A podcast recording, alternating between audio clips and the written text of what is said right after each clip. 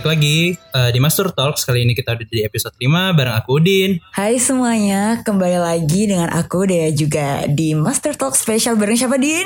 Kali ini kita udah bareng Kak Eza Hazami. Yeay, tepuk tangan virtual dulu kita. Halo, halo, semuanya. Kak Eza. Oke, untuk mempersingkat waktu karena kita tahu juga kalau Kak Eza sibuknya bukan main dan it's such an honor ya Din ya bisa ngobrol bareng Kak Eza secara langsung kayak gini ya Din. Oke, Kak Eza, silahkan waktu dan tempat kami persilakan untuk berkenalan kepada teman-teman mastur kami. Bonggo kak. Oke baik, yes. Oke baik sebelumnya halo selamat pagi, selamat siang, selamat sore, selamat malam, salam semuanya lah buat teman-teman yang mungkin uh, sedang mendengarkan Mastur Talk hari ini. Uh, kenalin gue Eza Hazami, biasa disebut sebagai Bang Eja di uh, internet lah ya. Kalau misalnya kalian mungkin ngelihat uh, konten gue di Twitter, Instagram, TikTok, YouTube, nah itulah gue ya. Jadi uh, basically gue seorang HR recruitment dan employer branding di salah satu perusahaan FMCG di Indonesia cukup besar lah ya. Uh, mungkin teman-teman juga udah tahu kalau misalnya ngeliat LinkedIn gue. Uh, jadi kerjaan gue itu mostly ngerekrut orang. Jadi memang uh, mulai dari uh, sourcing calon karyawan, ke kemudian ngelihat CV, kemudian interview, ya pokoknya yang kalian pada saat menghadapi interview itulah kerjaan gua dan seperti itu sih kira-kira. Kalau untuk employer brandingnya sendiri uh, mungkin lebih apa ya? Mungkin gue lebih menggambarkan uh, bagaimana caranya mengenalkan perusahaan gua ke orang banyak kayak gitu sih. Jadi lebih kepada bagaimana membawa image baik perusahaan kepada orang e, banyak di luar sana yang mungkin gak kenal jadi kenal kemudian yang mungkin nggak e, tahu jadi tahu dan akhirnya setelah tahu e, jadinya membeli produk kami. Seperti itu sih kira-kira. Untuk kerjaan gue mostly kayak gitu. Baik. Oh udah cukup menegangkan ya aku dengernya. Soalnya aku sebelum ini juga nge-stalk LinkedIn-nya Kak Eza Kak. By the way aja nih FYI aja. Oh gitu. Iya, terus yeah. udah lihat tuh dari perusahaan apa dan waktu itu sempet ada bukaan buat MT gak sih Kak? Iya, tahun lalu iya, memang. Terus habis itu hmm. eh tahun iya iya tahun-tahun tahun ini sebenarnya cuma karena memang uh, kondisi yang tidak memungkinkan nih COVID jadinya akhirnya kita cancel sih ya karena pertimbangan manajemen uh, belum bisa melanjutkan sih kira-kira iya, kayak gitu sih. sih. kayak sempat okay. udah mau daftar kok hilang gitu. Oke. Okay. Yes yes yes. Jadi Kak Izal udah perkenalan singkat singkatnya kayaknya kita juga perlu kenalan Din. Gimana dari Udin dulu hmm. deh. Oke, okay, jadi uh, kenalin Kak sebenarnya aku Udin, sekarang masih nganggur lah ya, job seeking, kegiatannya uh, alumni S1 Kehutanan UGM. Ya mungkin itu dulu sih dari aku, mungkin lanjut coba deh nih. Aku juga kayaknya kalau di depan Kaiza harus introduction lebih serius kali Din. Halo Kak Eza coba, dan coba, halo teman-teman yang sedang mendengarkan. Aku Dea, barusan lulus official graduated dari Teknik Industri UGM kemarin Agustus tanggal 26. Dan sekali lagi kami berdua mau terima kasih banget sama Kak Eza karena udah mau meluangkan waktunya buat ngobrol bareng kita ya Din ya. Yoi. Oke, okay, langsung aja ke main topik dari kenapa kita mengadakan job seeking session ini sendiri? Ayo Udin yang mulai Din biar enak. Uh, kalau aku mungkin uh, apa ya ini salah satu langkah lanjutan setelah kita sempat obrolin bagaimana kehidupan kita setelah wisuda uh, dan bagaimana sih sebenarnya pengalaman kita selama mencari kerja dan kita kan pasti ada keluh kesahnya juga. Nah kita tuh juga pengen tahu nih kalau keluh kesah kita kan umum biasanya. Nah kita tuh pengen tahu dari sudut pandangnya HR. Nah, mungkin kita buka dari nih Kak, Kak Eza kan pasti pernah job seeking dulu ya Kak, uh, sebelum akhirnya sekarang bekerja di tempat yang sekarang. Iya, jelas lah. Pasti setiap orang yang bekerja sekarang pasti pernah mengalami fase cari kerja sih. Nah, nah kita pengen tahu nih, kalau dari Kak Eza sendiri, dulu pas nyari kerja itu gimana sih rasanya gitu? Apakah sama kayak sekarang? Apa udah beda gitu loh? Hmm, oke. Okay. Jadi mungkin gue sedikit cerita ya, gue tuh lulus tahun 2016 di Universitas Bayangkara Jakarta Raya, jurusan psikologi. Uh, sebelum lulus memang gue cukup aktif sih ya di berbagai kegiatan, salah satunya mungkin uh, himpunan sempat jadi sempat jadi ketua event juga sih sama ngadain acara yang cukup gede di kampus. Jadinya memang dari situ cukup cukup banyak sih mulai dari temen mulai dari uh, ya kenalan-kenalan di kampus lah ya kayak gitu kira-kira. And then uh, sebelum sebelum gue mungkin cari kerja gue tuh mulai di magang jadi sebelum gue lulus semester mungkin semester 5 atau semester 6 ya gue lupa. Itu tuh uh, kebetulan kampus gue ngadain magang. Uh, gue mulailah cari magang karena waktu itu kan gue jurusannya psikologi industri organisasi. Jadi uh, memang udah di plotting sebenarnya ya untuk kegiatan rekrutmen, kemudian ngetes uh, psikologi dan segala macam kayak gitulah kira-kira. Nah dari situ dari situ gue dapet channel dari dosen gue. Jadi dari dosen gue ya as you know lah ya sebenarnya uh, cari kerja cari kerja itu koneksi relasi itu sangat-sangat penting sih di sih. kehidupan kita Setuju sih. Banget. Iya, jadi jadi gini, karena gini, karena gue pernah melihat mungkin penelitian ya beberapa job vacancy itu ternyata tidak dibuka secara umum loh, tapi disebarluaskan sama orang-orang yang ya akhirnya menjadi relasi kita, koneksi kita gitu loh. Contoh misalnya ada ada kesempatan magang atau mungkin ada beberapa posisi yang ternyata buka gitu loh, tapi yang memang gak diinfokan secara umum kayak okay. gitu sih kira-kira. Oke okay, oke. Okay. Nah jadi jadi buat teman-teman yang mungkin uh, saat ini lagi bingung cari kerja, cobain deh mungkin uh, ya consider teman kalian, dosen kalian, kakak tingkat kalian deh eh, buat ya hal-hal kayak gini cari kerja pertama kali karena itu sangat-sangat apa ya menentukan langkah pertama kalian supaya kalian nggak bingung okay. gitu loh pas cari kerja sih. Note, banget gitu. sih Adin ya. Terus kak, karena tadi nyambungnya tentang relasi, tapi kan kita lagi di tengah pandemi ini sendiri kan. Terus kakak dari HR tuh ngerasa gak sih ada perbedaan yang signifikan ketika pandemi dan sebelum pandemi yang mana uh, salah satu akun kita sebut aja langsung Job Street uh, dia nge-tweet waktu itu kalau misalnya selama pandemi ternyata jumlah uh, appliers tuh semakin banyak job seek job seekersnya tuh semakin banyak. Nah kakak dari sisi HR sendiri tuh melihat apakah itu benar dan bisa dikonfirmasi kak? Hmm, Oke, okay.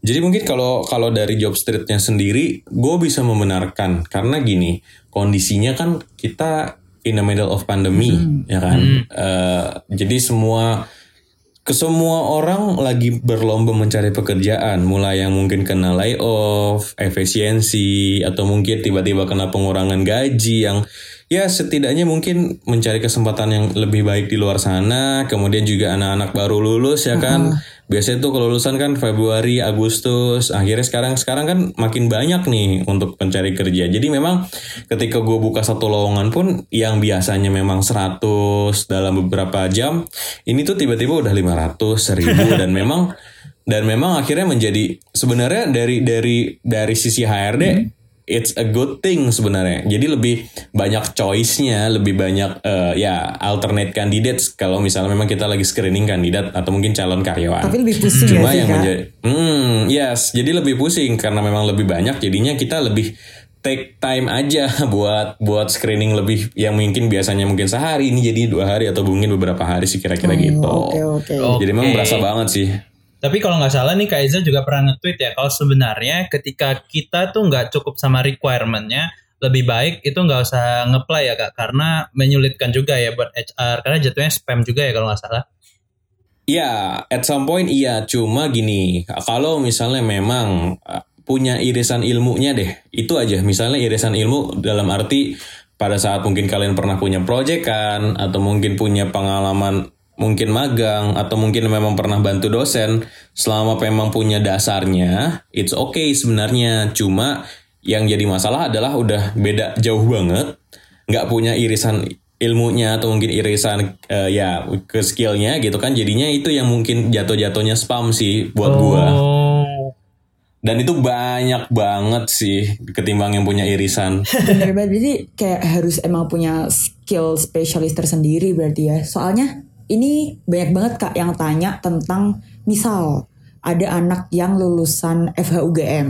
Mm-hmm. Sebut aja ya nggak usah FHUGM semua anak hukum lah.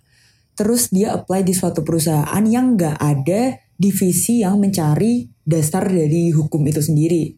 Tapi kayak general service maksudnya.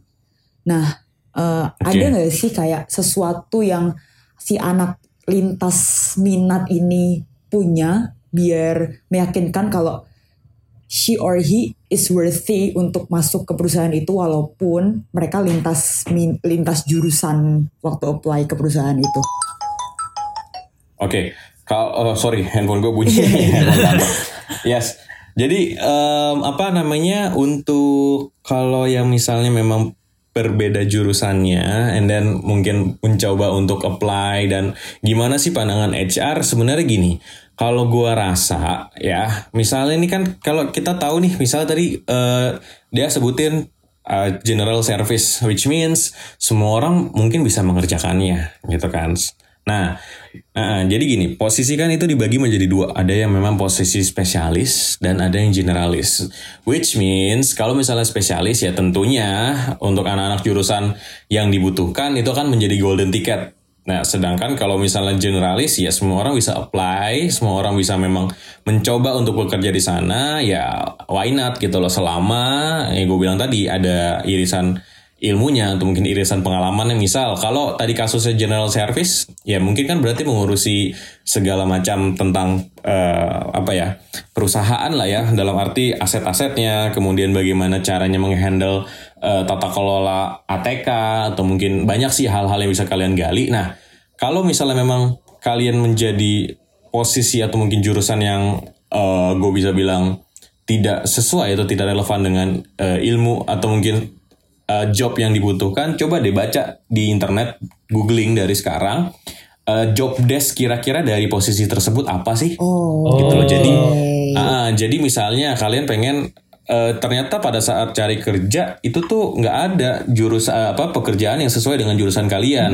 Nah kalau misalnya kalian ini googling dari, dari sekarang posisi itu kira-kira kerjanya apa? Dan itu banyak banget sih di Google. Jadi kalian bisa apa ya bisa lebih refleksi ke diri kalian sendiri. Kira-kira saya pernah punya pengalamannya nggak ya? Atau mungkin at least pernah denger nggak sih urusan-urusan yang udah di- disebutin di job desk? Nah jadi itu yang jadi takaran utama kalian sih pada saat kalian cari kerja. Jadi gitu. intinya buat teman-teman tuh nggak apa-apa ya lintas jurusan, lintas minat di eh, ketika nanti apply kerja asalkan emang kalian punya base atau experience di bidang itu gitu. Bener kan kak? Mm, bener banget. Oke. Oke lanjut nih Anyway. Udin dulu nih. Nah oke gimana Din? Ah. Nih kak, aku tuh pengen nanya nih jadinya. Kan eh, kalau dari kacamata aku mungkin sebagai fresh graduate, menurutku selama pandemi itu nyari kerja bakal lebih susah karena satu aku bertarung dengan teman-teman yang sama-sama lulus dan eh, selain bertarung dengan teman-teman yang sama-sama lulus, itu aku bertarung sama orang-orang yang udah mempunyai pengalaman sebelumnya atau udah expert mungkin. Kalau dari kacamata HR itu benar atau enggak sih kak sebenarnya? Ya balikin lagi. Kondisinya memang saat ini sedang kacau balau nih ya dunia pekerjaan. Jadi semua orang memang lagi krisis mencari kerja ya. Apalagi mungkin pandemi seperti ini ya sebenarnya gue bisa bilang benar sih. Karena kalau kita lihat nih kan setiap tahun lulusan nambah gitu kan. Ya. Setiap tahun pasti ada yang lulus lah, apalagi ya memang setiap kampus juga punya uh, goals masing-masing untuk lulusannya. Uh, kemudian, kemudian kalau misalnya kita bilang bersaing, sebenarnya lebih lebih gampang sih sebenarnya kalau misalnya uh, dalam tanda kutip ya kita cari kerja selama pandemi. Karena gini, bayangin deh kalau misalnya kita uh, punya keterbatasan misalnya jarak gitu kan atau domisili ya. Biasanya kan kalau kita cari kerja biasa gitu kan cari kerja sebelum pandemi ini em, kalau misalnya kita domisilinya di Jogja misalnya atau mungkin di Jawa Tengah misalnya tapi lokasi ininya Jakarta. Nah eh, tiba-tiba tiba-tiba kan HRD-nya biasanya kalau sebelum pandemi kan ngundang nih. Ngundang kita ke Jakarta tanpa akomodasi ya atau mungkin nantilah di reimburse. Kalau misalnya kita sedang punya budgetnya tapi kalau misalnya enggak pasti kan kesempatannya biasanya akan seringnya lewat gitu kan. Seringnya seringnya ya banyak lah pertimbangan mungkin teman-teman pada saat cari kerja di luar daerah. Cuma pada saat pandemi seperti ini sebenarnya buat buat gue ya buat gue pribadi lebih lebih memudahkan kalian. Karena batasan-batasan yang selama ini mungkin jarak ataupun mungkin hal-hal yang terkait dengan budget itu lebih dimudahkan. Karena semuanya kan semuanya jadi serba online. Interview online mungkin psikotes juga mungkin udah mulai online kemudian offering salary. Ya pokoknya semua semua flow rekrutmen diusahakan semuanya online gitu loh karena ya again balik lagi pandemi sangat sangat mengubah cara kerja atau mungkin cara pikir orang-orang banyak di luar sana sih sehingga itu yang harus kalian manfaatkan sebagai peluang sebagai job seeker. Oke, emang Hmm, plus oke, oke. and minusnya emang ada pasti ya buat hari ini. Mm-mm. Oke, sekarang kembali lagi ke dia. Aku penasaran banget nih kak. Jadi beberapa hari sebelum hari ini, aku tuh scrolling in, and then ada beberapa orang, aku nggak tahu mereka dari perusahaan yang sama apa enggak, maksudnya nggak merhatiin. Mereka tuh nge-share kalau saat ini tuh penting bagi setiap job seeker punya CV yang ATS based. Nah, mereka juga mengaitkan CV ATS based ini tuh dengan uh, kemudahan nanti ketika HR menyortir CV. Untuk aku pribadi, jujur aku bingung kak karena kayak aku selama ini edit CV tuh cuma ya udah lewat Photoshop dan ya udah nggak tahu ATS based tuh apa. Nah, mungkin Kak Eza bisa ceritain sebenarnya tuh ATS CV based ini tuh apa dan emang itu beneran yang bener-bener ngaruh buat HR menyortir atau gimana gitu kak?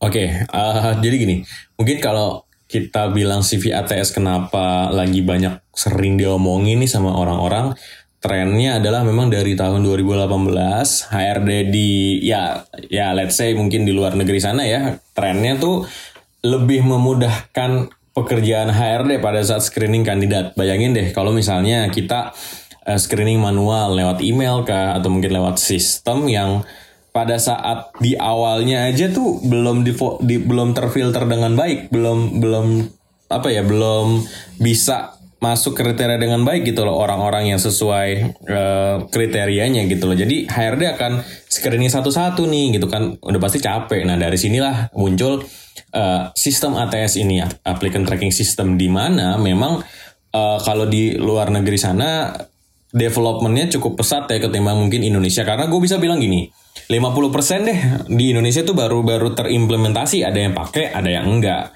Nah tapi untuk untuk bisa meng apa ya mengakomodir hal ini mungkin kalian pada saat apply di perusahaan A gitu kan udah pakai jadi kalian udah siap gitu sebenarnya. Nah ATS ini kayak gue bisa gambarin tuh ATS kayak sistem apa ya sistem sorting paling gampang HRD deh contohnya kalian eh, jurusannya apa atau mungkin kalian sedang menuliskan min interest min atau mungkin minat kerja kalian ke mana kalau misalnya tidak tercantumkan itu ya otomatis akan dianggapnya gagal oleh ATS dan akan dimasukkan ke database yang memang tidak sesuai atau tidak cocok kriteria sih Oh oke. Oke. kayak gitu. Bisa Jadi kayak misalnya hmm, Eh, gini oh, gini gimana, gini. em, gua- misalnya kalian lamar kerja gitu kan. Misalnya mungkin kirim lewat portal job, email. Nah, sama si ATS ini dibaca nih CV kalian. Dibaca nih kira-kira kalian ini punya nggak sih hal-hal yang HRD cari atau mungkin yang jadi keyword sama mereka.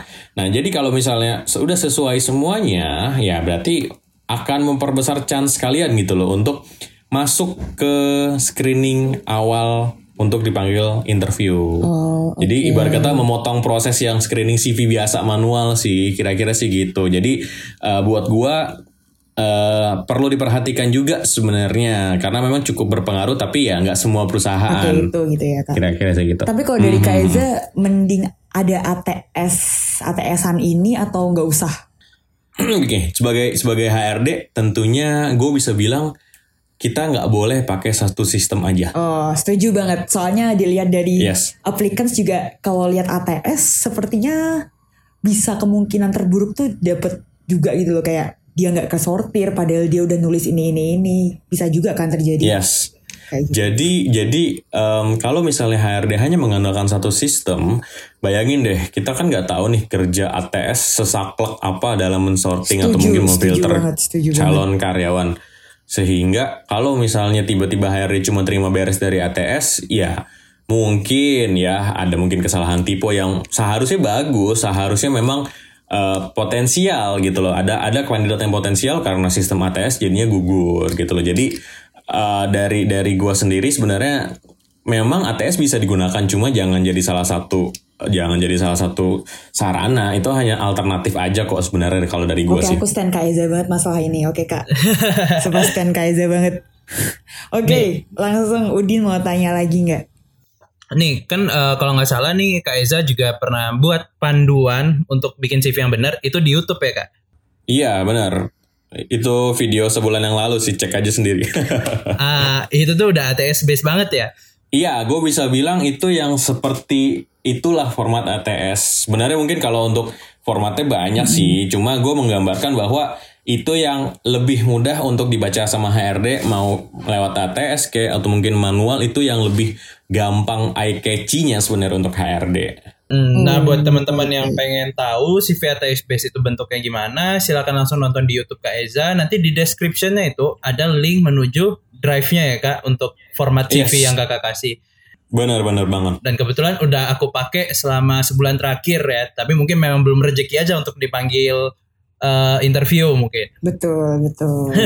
Sun Din pasti Agak- bakal dipanggil. Iya, amin lah ya. Nah, aku nih pengen tahu nih kak, bener gak sih kalau ada mungkin beberapa perusahaan yang eh, menyortir karyawan itu secara physical look. Let's say kita bilang kalau orang-orang bilang itu beauty beauty beauty is privilege gitu. Itu tuh ada gak sih kak menurut kakak dari sisi HR ya? Keadilan sosial bagi rakyat, good looking aja Iya, tuh. betul banget. Gimana tuh kak? Oke. Jadi gini, sebenarnya isu isu beauty privilege ini bisa bener, bisa enggak. Hmm. Tergantung oknumnya sih. Gue bilang ya. Karena gini, karena gini, penilaian HRD kan subjektif sekali ya dalam arti memang secara kriteria oke nih masuk, oke nih sesuai. Cuma kan yang namanya otak misalnya gue atau mungkin HRD lainnya kan bisa aja berbeda gitu loh.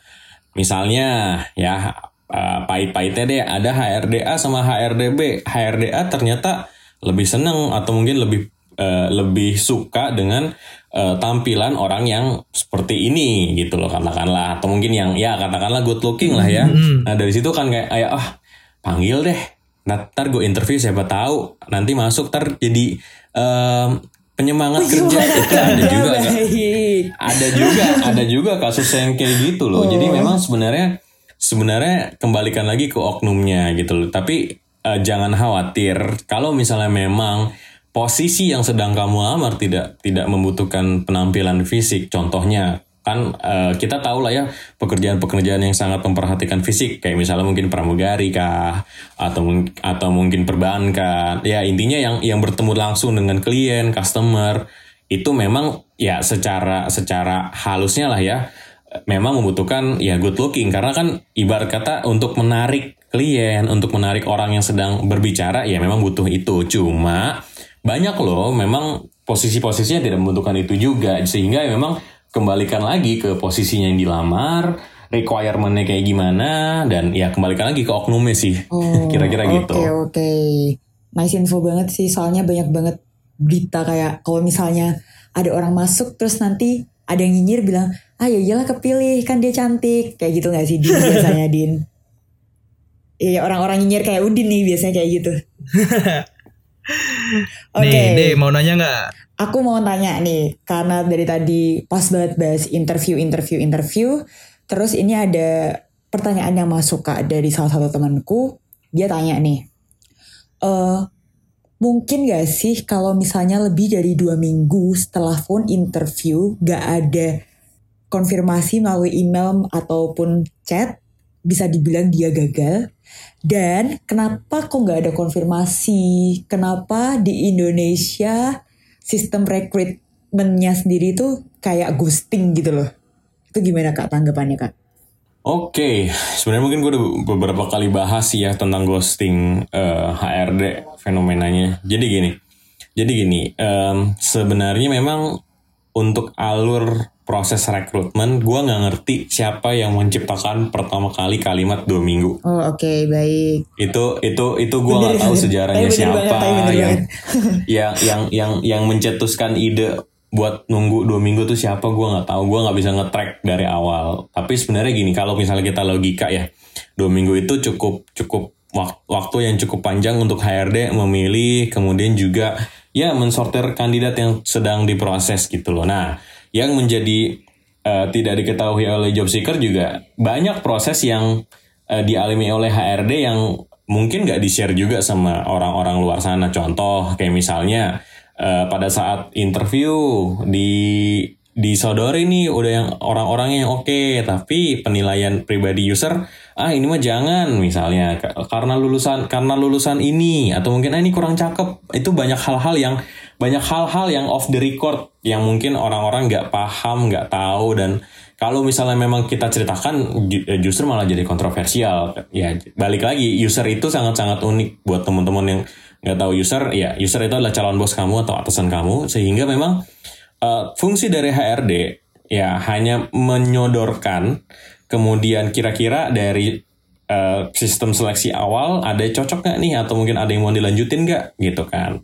Nah kalau misalnya kita lanjut ya berarti kan dilanjut. Tapi kalau misalnya ini ini yang menjadi penyakit sih. Kadang-kadang HRD malah jadi melupakan proses sebenarnya gitu loh. Yang mungkin udah ikutan jauh-jauh nungguin lama akhirnya nggak dikabarin. Nah, itu, itu yang salah sebenarnya. Itu sih. Soalnya sebagai job seeker sendiri dan yang sedang menunggu-nunggu kabar baik, kabar baik, bener kan kabar baik.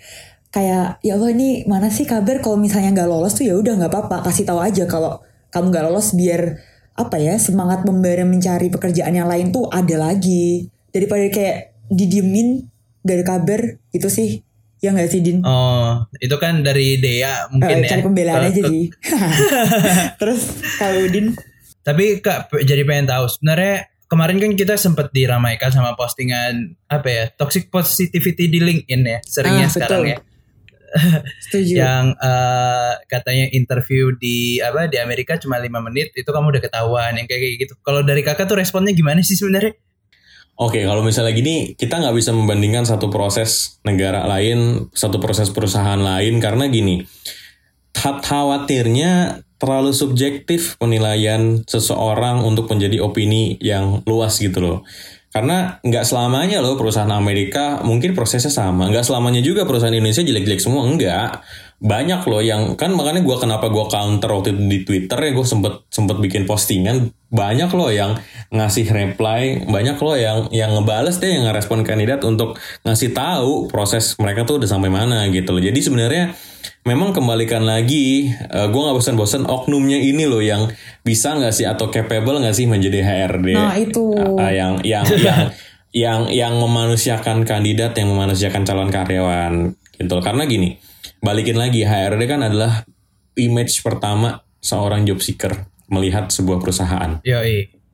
Kalau misalnya di, di di awal aja HRD-nya sudah begitu, kebayang nggak nanti misalnya si job seeker akan cerita, eh jangan di situ deh ngelamarnya. HRD-nya jelek. Terus orang orang orang akan orang akan berasumsi lagi oh prosesnya lama ya. Terus tiba-tiba oh kalau misalnya prosesnya lama berarti kerjanya nggak asik di sana ya.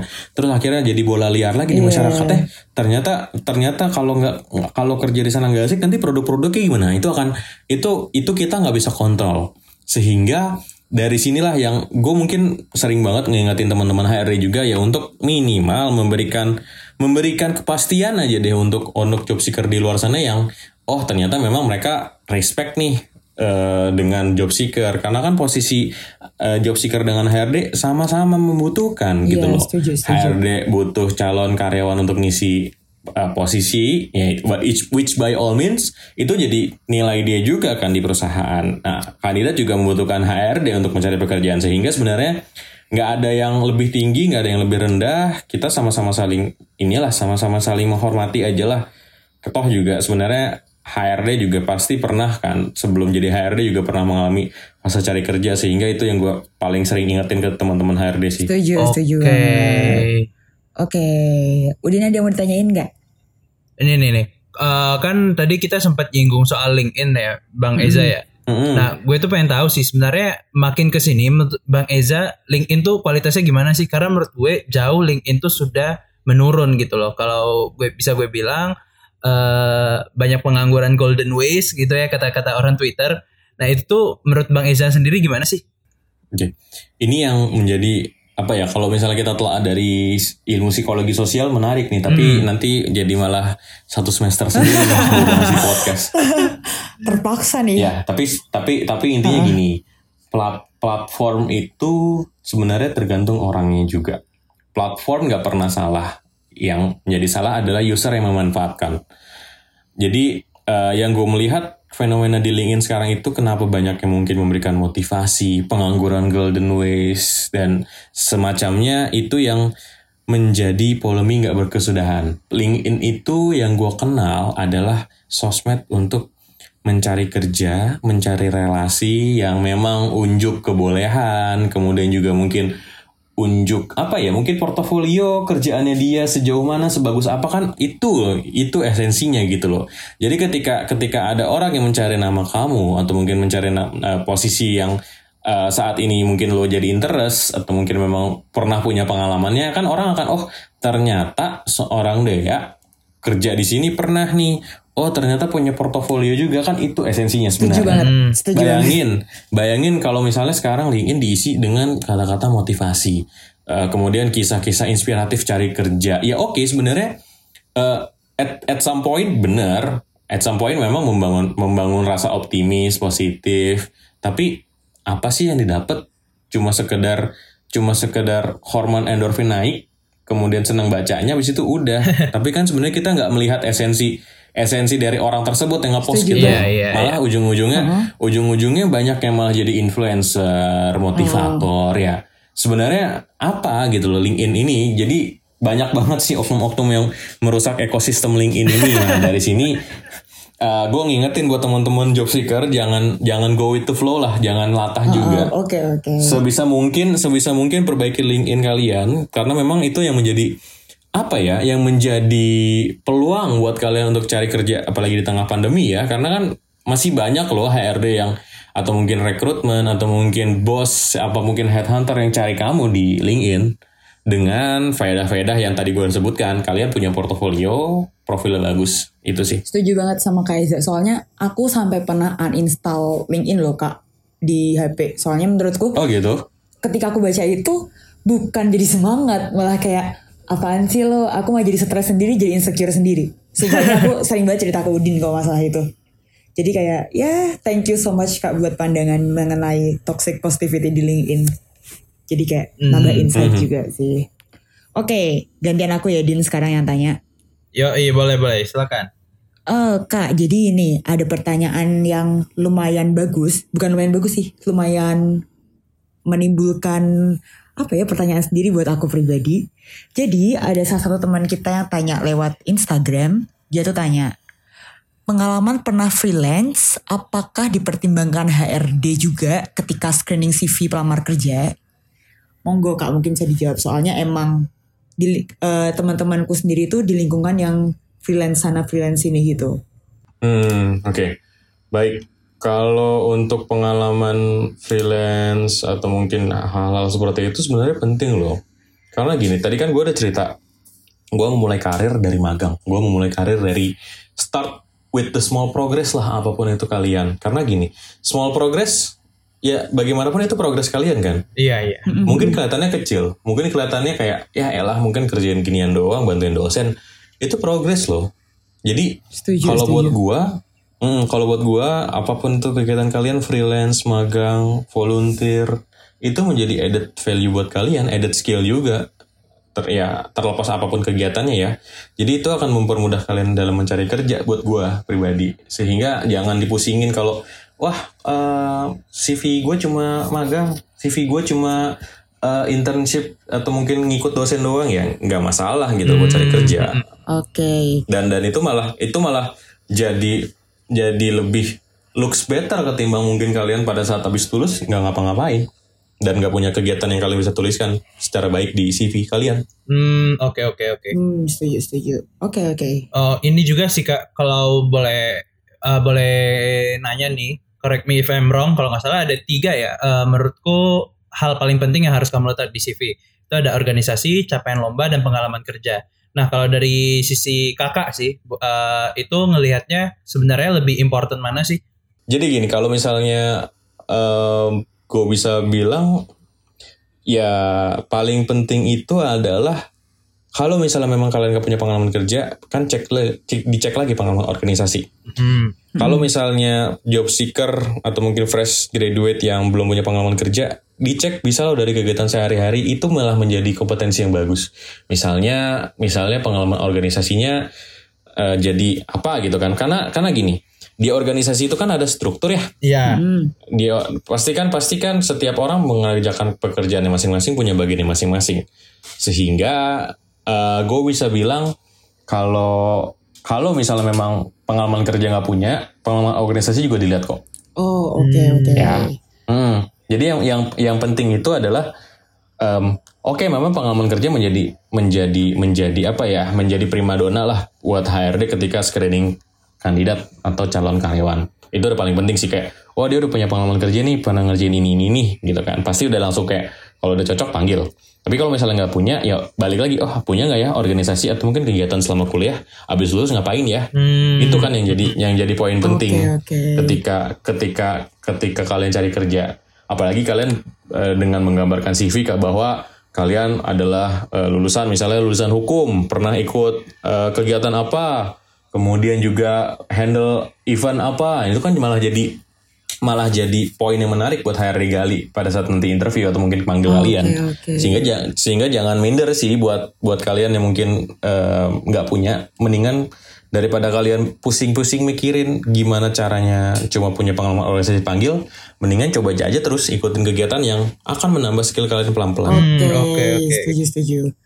Um, oke kak, kayaknya untuk main topiknya udah kita tanyain semua nih. Tapi kak, ini ada udah rame banget yang nanya di Instagram sama Twitter. Jadi ini aku bakal bacain pertanyaannya. Mungkin kak Eza bisa jawab singkat kali ya, biar waktunya mempersingkat waktu juga karena udah lama banget kita ya ngobrol tapi nggak kerasa. Oke, pertanyaan pertama. CV lebih baik pakai Inggris apa Indo? disesuaikan aja sama lowongannya Oke. Giliran aku coba ya. Eh Kak, kalau ini udah lulus satu tahun lebih, itu masih bisa dibilang fresh graduate nggak sih? fresh graduate itu kalau misalnya sampai sekarang belum cari kerja itu masih fresh graduate Oke, berarti selama belum ada pernah batasan bekerja lah ada ya. ah, ah, ah, nggak ada batasannya mau sampai kapan kalau udah dapat pertama kerja kerja pertama kali berarti udah bukan fresh graduate lagi Oh, Oke. benar-benar. Oke, lanjut. Kak, kenapa perusahaan ada yang minta dilampirkan kartu kuning, ada juga yang tidak? Oke, Eh, tergantung kebutuhan ke disnakernya karena kan setiap eh, requirement yang dibutuhkan biasanya ada maksudnya ya. Kalau untuk kartu kuning berarti hubungan erat dengan ketenaga kerjaan dan disnaker sih. Oh, Hmm. oke. Lanjut, Din. Ad- ada yang nanya nih, kapan merekrut karyawan baru lagi, Pak? Oke, ya eh, sampai saat ini kita masih hold sih ya karena kondisinya masih menjaga-jaga budget sekali. Hmm. Jadi untuk untuk rekrutmen kita masih ya internal rekrut dari karyawan masing-masing. Kemudian kalau misalnya memang butuh ya nanti kita sebar lagi sih kira-kira Oke, gitu. jadi Hmm. Mas yang namanya eh yang bertanya tentang pertanyaan open recruitment didengerin baik-baik langsung dari HRD-nya nih. Mm-mm. Oke, langsung pertanyaan selanjutnya. Surat lamaran dan body email boleh sama nggak atau harus dibedain ya? Oke, surat lamaran itu adalah body email versi panjang. Hmm. Kalau misalnya body email adalah surat lamaran yang berpendek. Oke, berarti Dah itu aja. oke oke. Langsung lanjut lagi, Udin apa akun yang tanya nih? Nah, coba ya, aku nih coba pindah ke Twitter nih. Eh, bagaimana cara Bang Eza yakin memilih kandidat yang lintas expertise? Misal, dia memiliki background di bidang desain, terus dia melamar di bidang logistik. Nah, gimana tuh cara milihnya? Ya balikin lagi, ada pernah punya pengalamannya nggak Hmm, di bidang yang menyangkut itu karena kan logistik nggak selamanya harus di logistik misalnya pernah pernah kerja di gudang atau mungkin ngurusin adminnya itu sih minimal ketimbang ngurus ketimbang ketimbang mengajari hal yang baru ke anak baru mendingan cari anak baru tapi udah punya yang irisan ilmunya sih Oke. oke. Lanjut lagi. Bang, kenapa ada perusahaan yang nge-reject kandidat dan boleh daftar lagi setelah X tahun? Itu kenapa ya, Bang? Oh ya, karena kalau misalnya habis di reject terus tidak diperbolehkan, ya kejam juga sih ya. Karena kan kita juga bukan bukan PNS sih. Tapi kalau misalnya diperbolehkan untuk melamar lagi kan biasanya gini, pandangannya adalah satu memberi jeda untuk orang lain juga memberi memberikan kesempatan lah biar muter nih nggak kamu kamu doang yang dipanggil panggil yang kedua dengan harapan ketika dulu di reject kemudian dikasih waktu untuk ya mungkin beberapa bulan setelahnya atau mungkin beberapa tahun setelahnya boleh ngelamar lagi dengan harapan udah beda nih kompetensi yang eh, di waktu ngelamar pertama sama ngelamar Oh, kedua iya, jadi itu iya. yang jadi consideration sih nambah ya. Oke kak. Jadi pertanyaan hampir terakhir nih dari aku pribadi nih kak. Jadi Hmm. pas banget hari ini tadi jam setengah empat tuh aku selesai phone interview kak di salah satu perusahaan tembakau terbesar di Indonesia. Dan ada satu pertanyaan interview yang membuat aku agak shock karena aku ditanyain apakah punya kenalan di pemerintah. Nah, aku sendiri shock maksudnya kayak dalam rangka apa sih kenapa ditanyain aku punya kenalan di pemerintah? Emang sepengaruh apa kalau aku misalnya aku punya kenalan di pemerintah gitu kak? Kembalikan lagi posisinya posisi apa ya? Siapa Uh-uh. tahu posisi yang sedang dibuka saat ini itu memiliki kaitan erat pekerjaannya dengan eh, mungkin tektokan dengan pemerintah atau mungkin tektokan dengan bidang eh, dinas yang lain sehingga kalau misalnya punya kenalan akan lebih mempermudah eh, bukan bukan dalam arti langsung diterima ya tapi akan mempermudah oh udah kenal sama si ini gampang nih buat cari vendornya Oh, atau mungkin oke. cari kerja sama barangnya jadi sebenarnya ketika ditanya referensi nggak selamanya langsung oh kalau misalnya nggak punya ditolak nggak juga Oke, Oke. berarti jadi lebih lebih lebih ke mempermudah dan efisiensi kerjaan aja Iya, sih it's such an, a, a privilege ya kalau misalnya dibilang uh, Yes, punya benar. kenalan di pemerintah. Oke kak, pertanyaanku udah terjawab. Hehe. Oh, nih mungkin nih kak, eh, kalau nggak salah nih, aku kan sebelum akhirnya mengundang kakak, aku dengar dulu em, interview kakak di Kaliber, di podcastnya Kaliber. Nih kakak bilang nih pengen bikin podcast one day. Nah kira-kira kapan nih? Eh, memperbaiki setupnya dulu ya supaya punya eh, podcast sendiri karena masih masih berkota di video sih Oke, fokus jadi youtuber sekali ya kak ya. Iya, karena podcast itu mungkin gini. Aku ini em, secara secara secara ide lebih masuknya ke audio visual Oh, oke. ketimbang audio doang. Jadi aku lebih bebas untuk mengekspresikan apa yang aku pengen ngomongin dengan ya gambar dan muka aku dan suara aku sih ketimbang cuma suara Oh, doang. baik. Karena kan bingung juga kalau misalnya cuma suara ya ya mungkin bukan pasarku juga sih ya. Jadi lebih fokusnya mungkin ke audio visualnya. Oke, Oke. kerja buat teman-teman yang sudah menunggu-nunggu kapan Kak Eza bikin podcast. Tapi tapi ditunggu aja sih. Nah. Oh, Siapa tahu mungkin berubah siapa tahu mungkin berubah pikiran besok. Baik Kak, tuh teman-teman dengerin ya. Bentar lagi Kak Ezra, eh Kak Ezra, Kak Eza pasti datang podcastnya. Oke Oke. Kak, ini last but not least pertanyaan terakhir seterakhir terakhirnya terakhir. Pertanyaan lucu sih dari salah satu followers kita di Twitter. Kak, kenapa foto di posternya pakai dua jam tangan? Oh, ah pasti follower pasti followernya Follower baru nih. Mungkin ini buat teman-teman yang nggak tahu juga nih gimana Oh. gimana. Jadi jadi eh, sebenarnya untuk foto eh, dengan jam dua tangan ya sebenarnya jadi kebiasaan dari mungkin semester akhir sih ya. Karena ternyata nggak enak aja pakai satu jam tangan doang, ngerasa telanjang sih tangan kirinya. Eh, and then kalau karena sudah akhirnya terbiasa pakai jam dua tangan, jadi kebiasaan sampai dengan saat ini eh, untuk bekerja juga atau mungkin ketemu orang atau mungkin ke mana pun tetap pakai jam dua tangan sih. Nah, yang paling penting adalah gue mematahkan stigma orang tentang kalau pakai jam tangan kanan kepribadiannya begini, kalau pakai jam tangan kiri kepribadiannya begini ya, ya, ya le- le- let's let's say fuck it lah ya, gue nggak percaya sama kayak gitu gitu jadinya. Jadinya ya udah gue pakai jam dua tangan emang kenapa lo? Mau apa lo? Nah, kira-kira sih gitu. Iya kirain mana tahu jadi bipolar nanti kan? Bipolar, baik. Oh iya, em, mungkin karena itu tadi udah nutup pertanyaan terakhir. Nanti kalau kan Kak Eza nih sering ngadain giveaway. Nanti kalau misalnya pertanyaannya ini lagi, ya kalau masih nggak tahu, gawat banget ya berarti. Ah, dong. Yes, banget. lah. Deh coba ikutin deh giveaway-nya sekali. Kan kita udah tahu jawabannya. Eh, siap. Aku nggak tahu gitu ya.